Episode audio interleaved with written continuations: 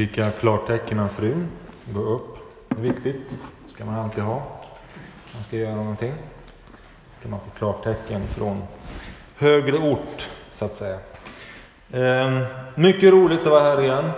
Eh, det är alltid kul att besöka Korskyrkan och fördela Herrens ord. Och jag gör det med glädje idag därför att jag tycker att jag har sett någonting som jag inte har sett förut. Och det innebär ju inte att det inte har funnits där hela tiden, utan det är jag som inte har varit tillräckligt uppmärksam.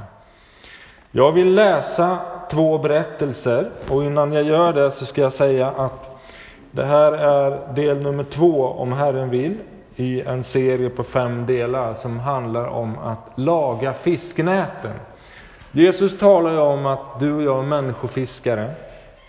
Han vill göra oss till människofiskare, det är en viktig poäng. Och när vi ska fiska så måste vår utrustning vara korrekt. Vi måste lära oss hur vi ska göra detta. För Gud vill att människor ska komma till tro och bli frälsta, församlingarna växa och Guds rike breda ut sig. Så är det alltid. Och så kommer församlingarna in i perioder då det blir stagnation, det blir besvärligt, det kan vara olika saker. Då kan Gud sända ett uppvaknande, som vi brukar kalla ett väckelse, då saker och ting vänder igen, människor börjar komma i tro igen och församlingarna växer och så går det här i vågor genom historien och man läser om det där oerhört fascinerande hur hur illa det kan se ut och så kan det vända och så kan det bli blomstrande igen. Fantastiskt. Och Det tror jag Gud alltid vill göra. Han tror han vill det med er här och med mig och min fru och alla som sitter här inne och samlas. Och då vill jag läsa två texter som handlar delvis om det här och vi ska jämföra dem och så ska vi tillämpa det om Herren vill idag. Och då går vi till Lukas kapitel 5 först. Lukas 5. Lukas 5, vers 1 och framåt.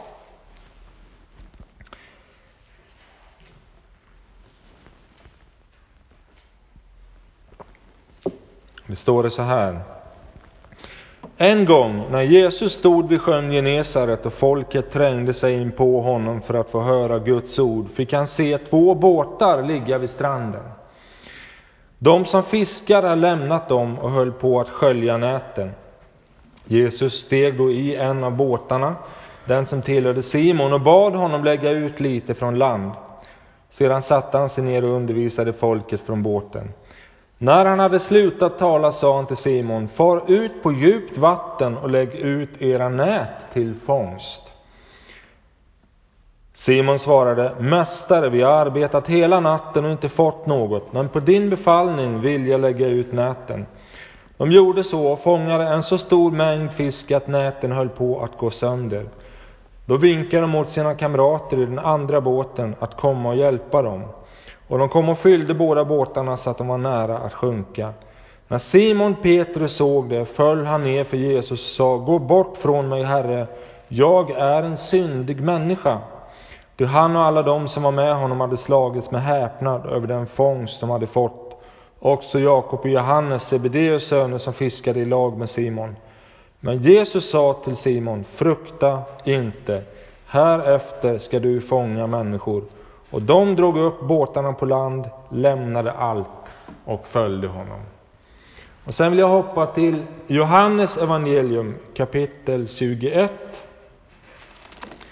Och det jag upptäckte var att de här berättelserna är väldigt lika varandra.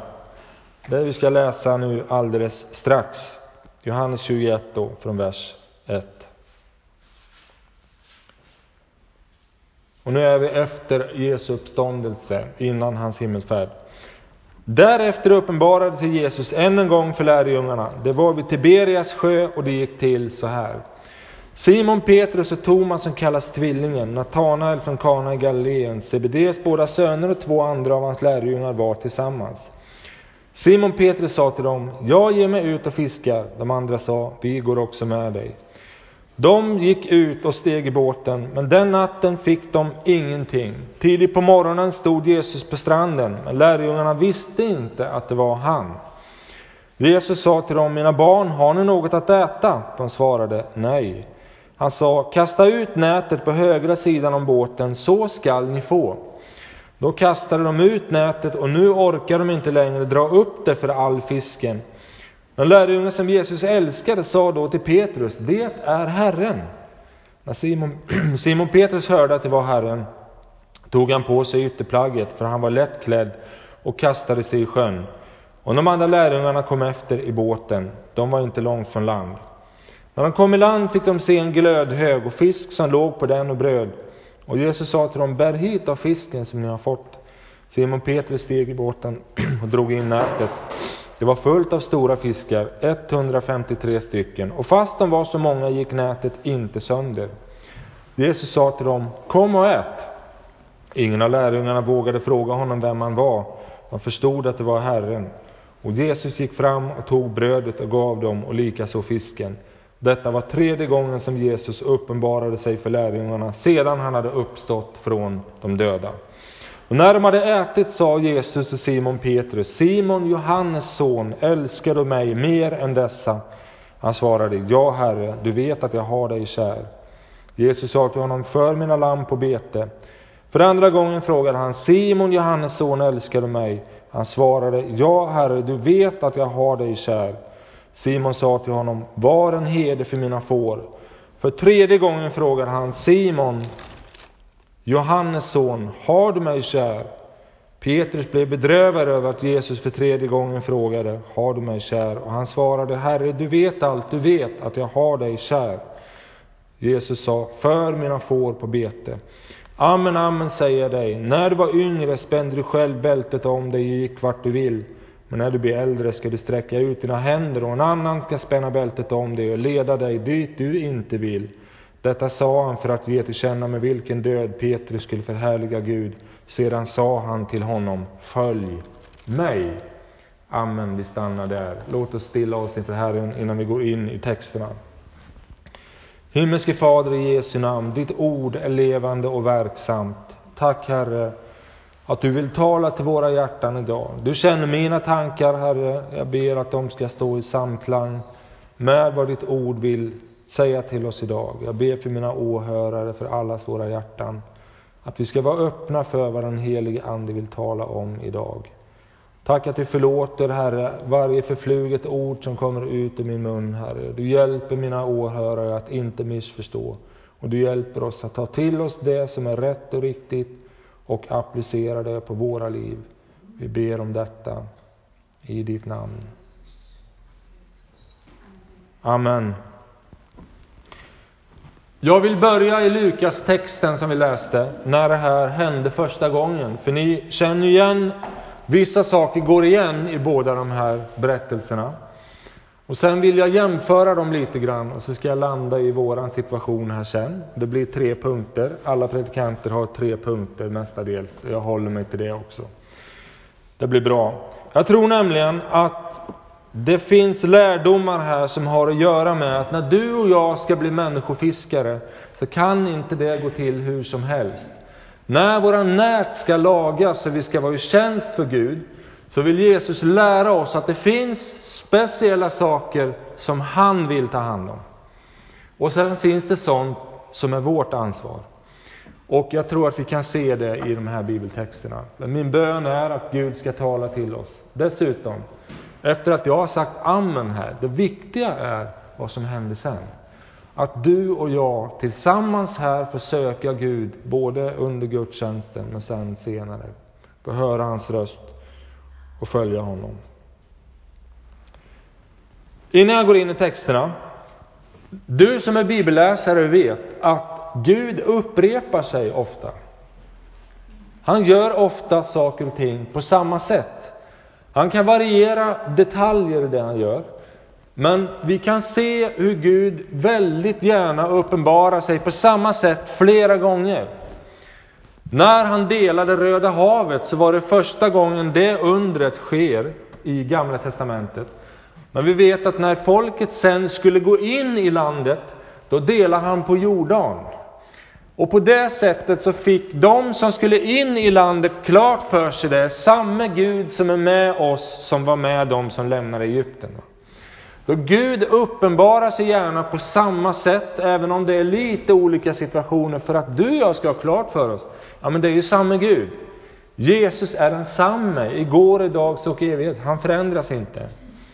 Några andra exempel. Jesus gör två brödunder i Markus evangeliet. Det är inte samma berättelse. Det blir lite olika mycket över. De samlar ihop korgar. De hade lite olika mycket från början. Men undret i sig är precis densamma. Och tro det eller ej, jag har varit med om ett sådant under själv. Jag visste inte om det när det skedde, men jag fick berättat för mig efteråt, för många år sedan. Då var vi på ett, ett läger utanför Oxelösund som hette Beten, Betenlägret, en ö där. Och en av dagarna, det var helg och på den tiden var alla affärer stängda. Då upptäcker de i personalen att vi har inte potatis så att det räcker. Och vi kan inte få tag på något, vad ska vi göra? Och de säger, vi får koka den potatis vi har och så får vi servera och tro att Gud ska hjälpa oss. Och den dagen var alla jättehungriga och vi gick och tog och vi åt massor. Det tog inte slut. Och det vart ett vittnesbörd för de där vännerna i köket där. Det är samma Gud som gjorde under genom Jesus och förmerade bröden som är med oss här på det här lägret. Fantastiskt va? Vi vet också när anden faller i Apostlagärningarna 2 och sen faller den över hedningarna i Cornelihus, Apostlagärningarna 11. Och när, Jesus, när Petrus sen berättar om detta så säger han när jag började tala så föll anden över dem precis som över oss i den första tiden. Alltså det var genom att Jesus gjorde samma under med hedningarna som Petrus förstod det är samma Jesus som har döpt dem i helig ande, som har döpt oss en gång för länge sedan. Så Gud vill gärna uppenbara sig på samma sätt. När Jesus bryter brödet i Emmaus, det är då de känner igen honom, lärjungarna som sitter där i slutet på Lukas evangeliet. Jag tror det beror på att någon av dem var med vid den första nattvarden, det är lite spekulativt. Men det var just när han bröt brödet. Jesus gjorde något som han har gjort förut. Och det är likadant här, som jag läste i Johannes 21. När de får uppleva fiskundret en gång till, då säger Johannes, det är Herren. Och när du och jag med Guds nåd får uppleva att Gud förnyar sitt verk och förändrar vår situation och vår stad, då ska vår reaktion vara densamma. Det är Jesus som har gjort någonting. Vi vet att det är han som är mitt ibland oss därför att han gör det igen. Det finns inget nytt under solen. Om någon säger det här är nytt, står det Ordspråksboken, eller Predikaren, jag kommer inte ihåg, det är nog Predikaren. Om någon säger det här är något nytt, då är det inte nytt. Men Gud letar bara fram det förgångna. Han gör samma sak hela tiden. Varför? För att vi ska känna igen honom. För att vi ska veta att det är han. När det kommer någon med något nytt och säger ja, men det här har inte hänt förut, det är nytt, då vet vi det är inte Gud. Det har hänt förut. Och vi behöver vara upptäckare i ordet. Och nu kommer vi till berättelsen om fiskundret här, för här sker samma sak två gånger. Och det finns lite skillnader. Och vi går in här i Lukas först. Vad är det som händer? Jag går snabbt igenom det. Den här enorma fångsten som de får dra upp från båtarna i Lukas 5. Det sker när Jesus predikar Guds ord. Ser ni det? I vers 1 står det. Jesus stod vid sjön och folket trängde sig in på honom för att höra Guds ord. Och då fick han se de här båtarna. Han kliver i den ena och de far ut lite. Förmodligen vart det en, en intressant akustisk effekt av det där. Att Jesus stod ute på vattnet och talade så att alla kunde höra. Så det var säkert inte en slump att Jesus valde att göra så. Men det ska man ha klart för sig. Vill man ha en stor fångst, det måste alltid ske i samband med att Guds ord förkunnas. Det går inte annars. Det måste vi ha med oss härifrån. Det andra är att Jesus tog till Simons båt för att undervisa folket från vattnet. Han bad honom endast att lägga ut lite från land. Jesus tar alltså mänskliga redskap i sin tjänst här. Jag kommer tillbaka till det. Det gör han alltid när han vill göra någonting för att det ska bli en stor fångst. Sen kommer det här märkliga då. Far ut på djupt vatten och lägg ut era nät i fångst. Och Simon svarar, Herre, vi har arbetat hela natten, vi har inte fått något. Men på din befallning vill jag lägga ut näten. Så Jesus ber Simon att försöka en gång till, trots att de inte fått någon fisk. Och han ger honom också en specifik instruktion vart han ska kasta ut näten någonstans, på djupt vatten.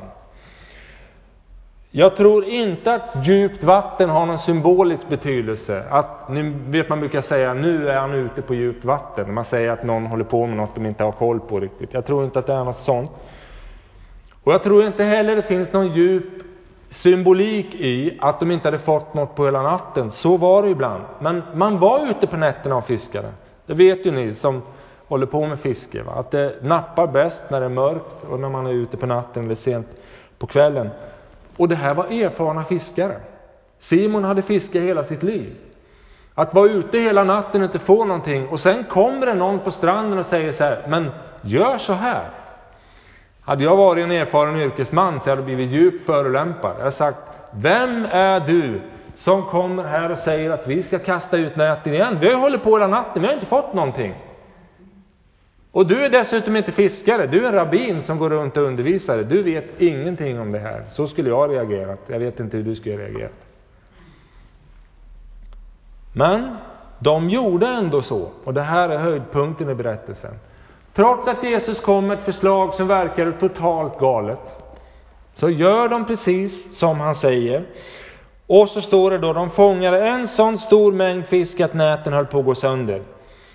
De vinkade åt sina kamrater i den andra båten att komma och hjälpa dem. De kom och fyllde båda båtarna och de var nära att sjunka. Fångsten överträffade allt de hade kunnat förvänta sig och allt de hade varit med om. Det var nästan ohanterligt. Va?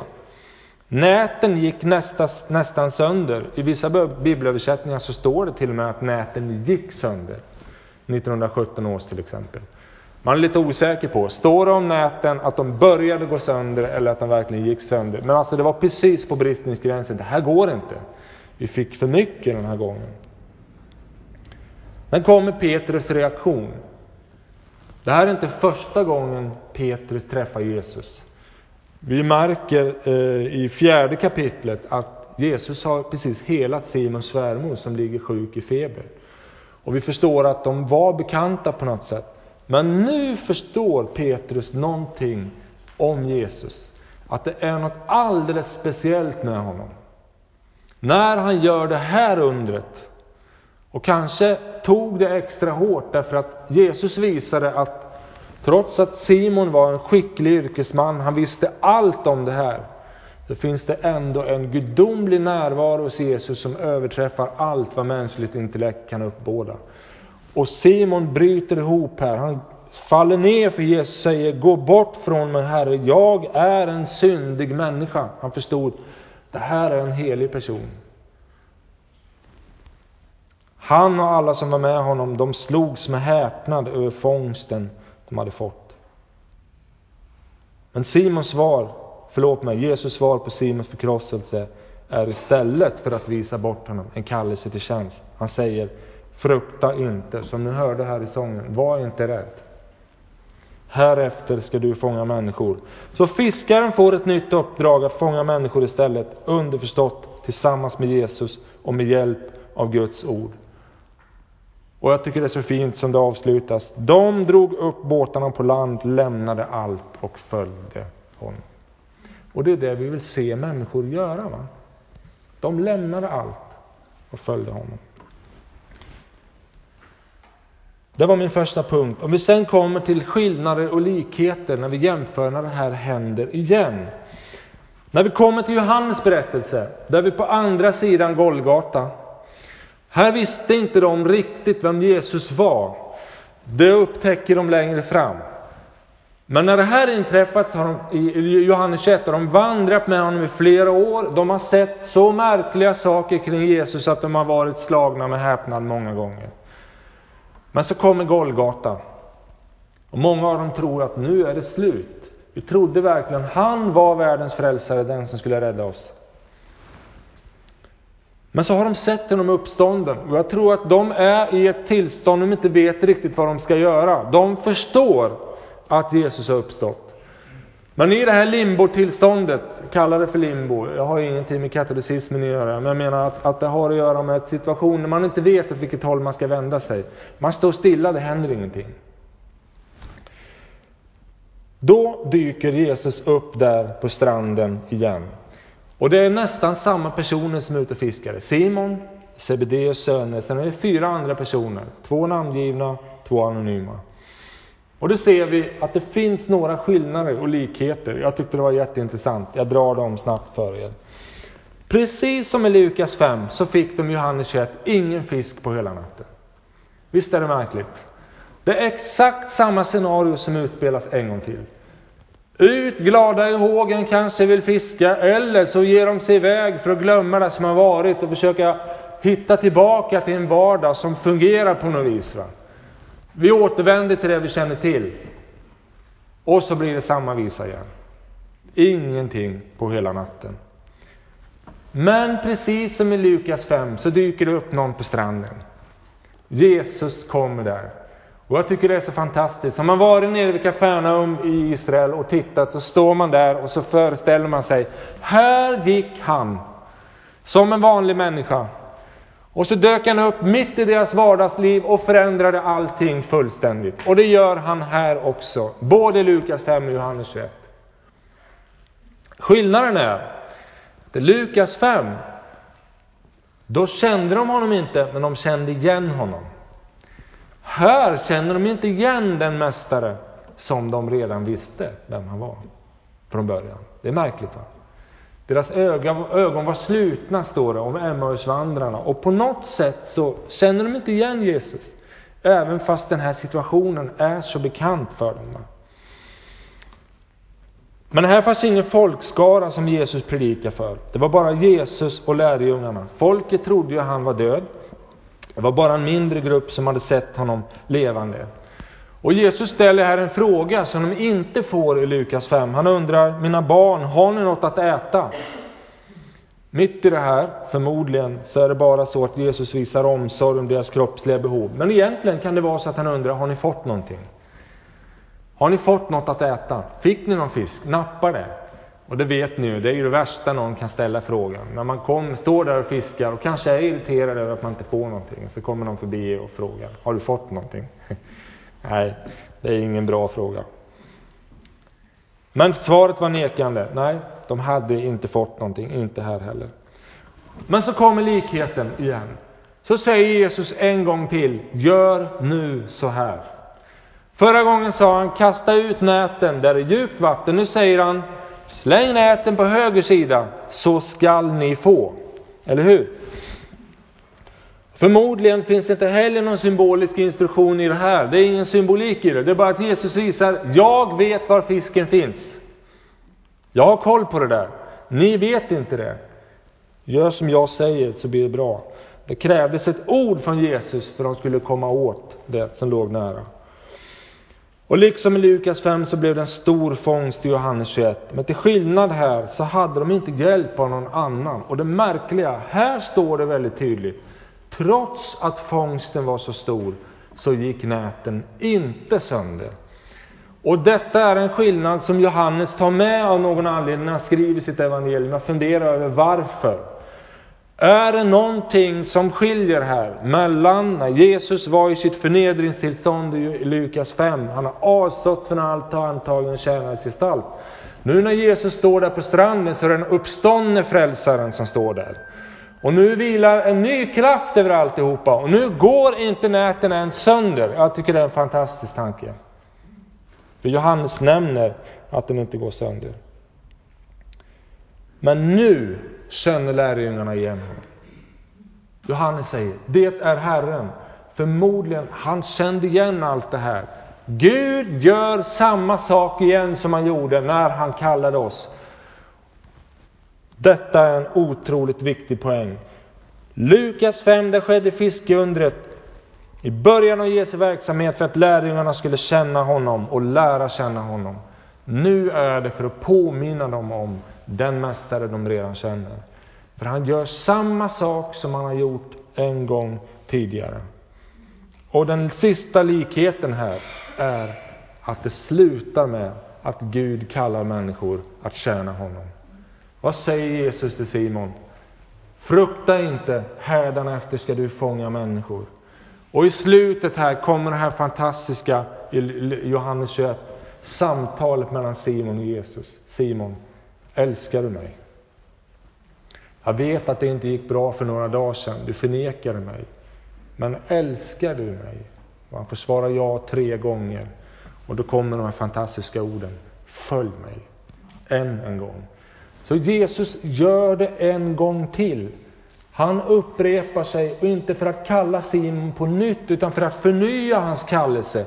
Och han ger honom ett ännu större uppdrag, bara dagar efter att han har förnekat sin mästare. inte det fantastiskt? För Jesus vill förnya vår kallelse, och det vill han göra genom att göra samma sak som han har gjort förut. Och nu kommer vi in på tillämpningarna för idag. Jag tror, min sista punkt. Fiskundret visar att vi endast kan vinna människor i samband med att Guds ord förkunnas för människor. Det är ordet som måste spridas på olika sätt. I sång, i vittnesbörd, med bibelutdelning, med förkunnelse, vittnesbörd på stan. Vi måste uppleva detta. Ska vi få en stor fångst så sker det alltid i samband med att Jesus sprider sitt evangelium till människor. Utan att det förkunnas så blir det ingenting. Sen kan det göras på så många olika sätt. Det allra minst viktiga, det är det jag försöker göra här idag. Det allra viktigaste när det gäller evangelisationen, det är att vi lever med Jesus varje dag, att vi får sprida det här på olika sätt. Ibland formellt, att vi gör olika satsningar, ibland informellt. Men det är så viktigt. Ska vi kasta ut näten över människor och vinna människor och laga fisknäten och få uppleva att våra församlingar får nytt liv, det måste ske. Guds ord måste förkunnas för människor. Det här vet ni, men vi behöver påminna oss om det. Det är så lätt att vi glömmer det, så tänker vi så här, nu startar vi någon ny verksamhet, eller så gör vi si, eller så gör vi så. Uppdraget är detsamma. Vi ska gå med Herrens ord till världens ände. För det här är det enda vi har att erbjuda. Ta ifrån oss det här, så har vi ingenting. Vi har inget annat att erbjuda människor. Mycket viktigt. För det andra tror jag det är viktigt att vi ställer våra båtar till Herrens förfogande. Ser ni här? Jesus kliver i Simons båt. Och det här var hans levebröd, hans vardag, hans professionalitet, allting. Det liksom kännetecknades av den här båten. Nu säger Jesus, nu vill jag använda det här. Och han kliver in i båten. Jag funderar på vad det kan betyda för oss. Men Kanske är det så att vi behöver överlämna allting till honom. Vårt arbete, vårt yrke, vårt förflutna, vår framtid, allt vi äger och har. Och säger Jesus, vill du använda det här för att nå människor, så att fisknäten blir hela igen, att vi får uppleva att människor kommer till tro. Låt så ske. Ta mitt liv i din tjänst. Låt mig få vara en båt som du får stå i och predika från. Jag tror att det är viktigt också. Vi behöver helöverlåta våra liv. Vi sjunger den här sången när vi var små. Med Jesus i båten kan jag le mitt i stormen. Och det är en annan berättelse, den är också fantastisk. Men vi kanske skulle göra en ny vers på den. Med Jesus i båten kan jag vinna människor.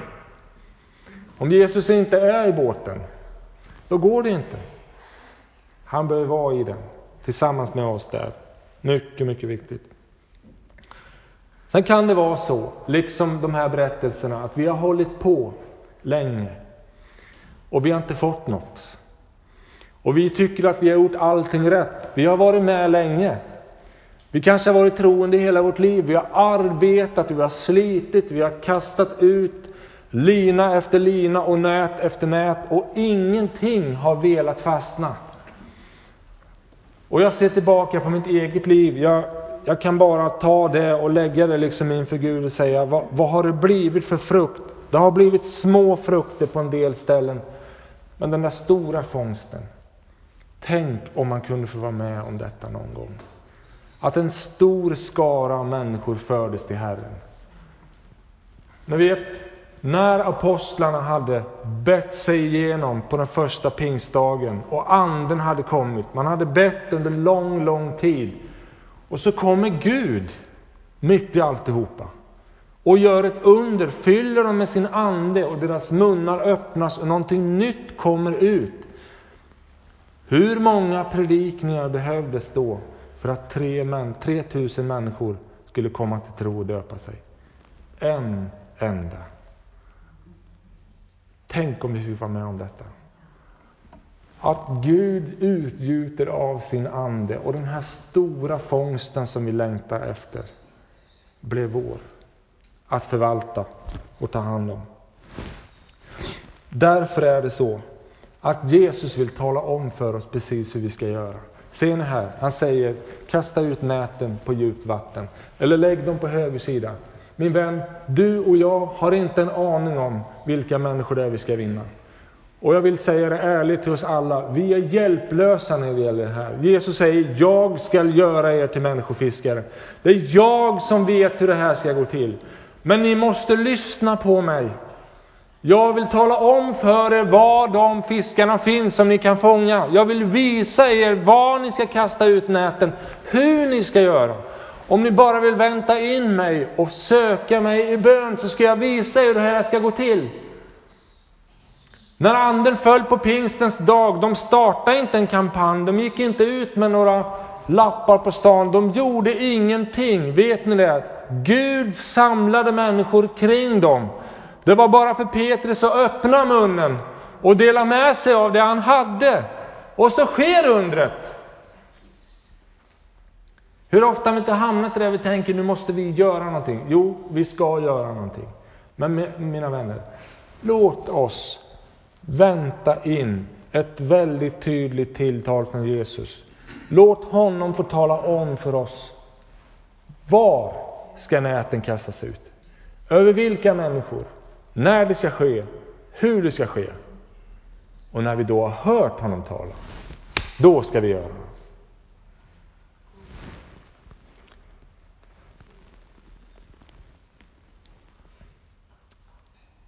Om näten också en bild för församlingen och dess själavinnande arbete, då ser vi här att när vi följer Jesus till punkt och pricka, så får vi en stor fångst.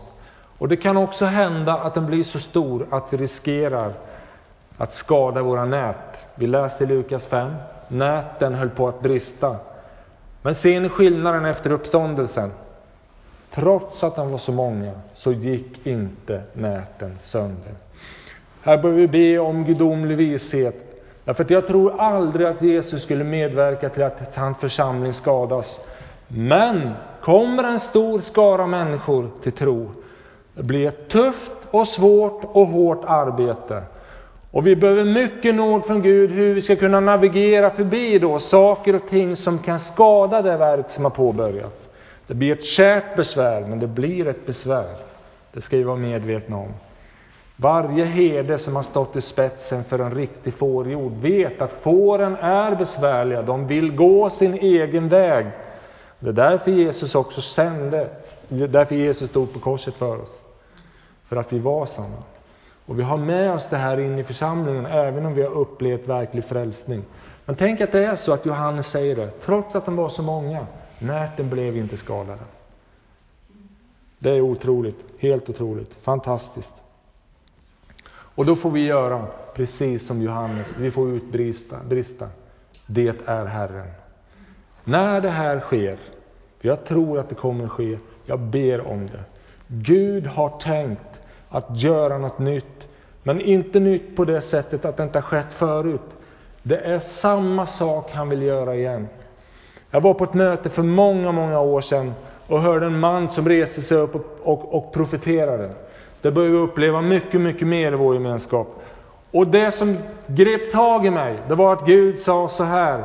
Jag går samma vägar som jag fordom har gått. Jesus har inte förändrats. Han är densamme igår, idag och i evighet. Samhället förändras, det går i en rasande tempo. Men människan i sitt innersta är fortfarande precis likadan som på den här tiden. Och Gud har samma möjlighet att nå människor genom sitt evangelium på olika sätt. En del färger och former och uttryckssätt och sånt där kan förändras. Det får vi vara öppna för, det spelar inte så stor roll. Men det innersta, kärnan, Det som bär, det som är det centrala, det kommer inte att förändras. Och Gud kommer att handla på samma sätt som han alltid har gjort. Och då får du och jag stå där och så får vi ropa till varandra. Det är Herren. Det är Herren som är mitt ibland oss. Det är han som gör det som han alltid har gjort. Det är han som förnyar sitt verk. Hur kan ni veta det? Jo, men detta har skett förut. Vi går tillbaka till instruktionsboken. Vi ser det. Det är så här det går till. Vi har upplevt det igen bara. Det finns inga nyheter i Guds rike. Gud plockar bara fram det förgångna och så gör han det en gång till. Vem är glad för det? Säg amen. Amen. Fantastiskt. Och dessutom, när allt detta sker, då är det en kallelse till ny tjänst för dig och mig. Tänk att Mose fick sin kallelse när han var 80 år. När han tyckte att sitt liv kanske var slut. När det inte fanns så mycket kvar. När han hade gått där i 40 år och vallat sin svär. Han jobbade åt sin svärfar. Hur tror ni det kändes egentligen? Och fick göra det så länge. Men det förberedde honom. Och så kommer Gud och säger, nu har jag en uppgift. Och han säger det till oss också idag. Ni här i Korskyrkan, ni har väntat länge. Men jag vill göra samma sak som jag alltid har gjort. Jag vill förnya mitt verk. Och jag vill handla med er som jag alltid har gjort. Men det enda kravet jag har, släpp in mig i eran båt. Och lyssna till vad jag säger. Och kasta sen ut näten precis där jag vill att den ska kastas ut.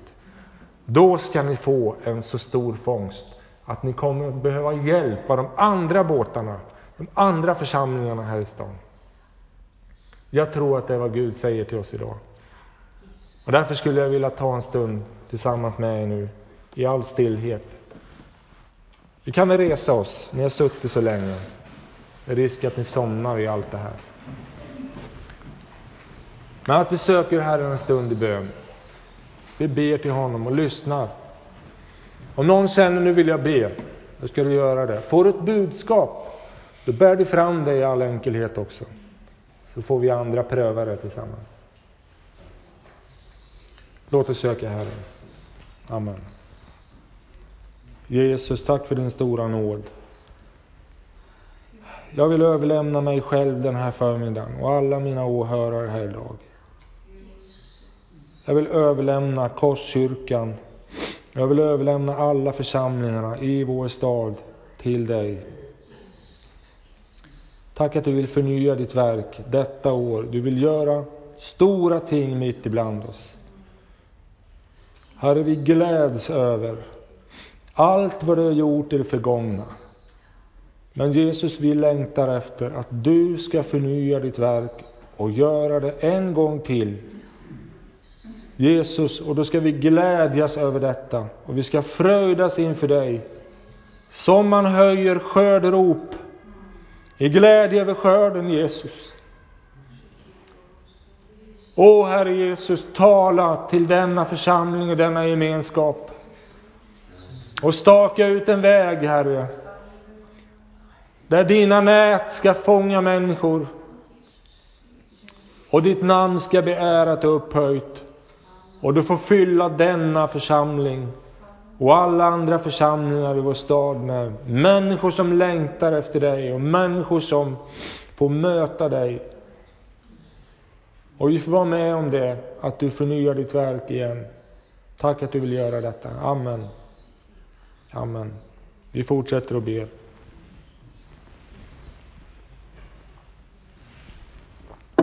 Jesus, Jesus. Jesus.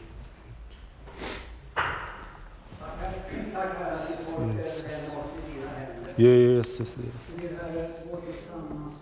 Jesus, Jesus. Halleluja, Jesus. Jesus. Halleluja, Jesus. Åh, Jesus. Kära Herre Jesus.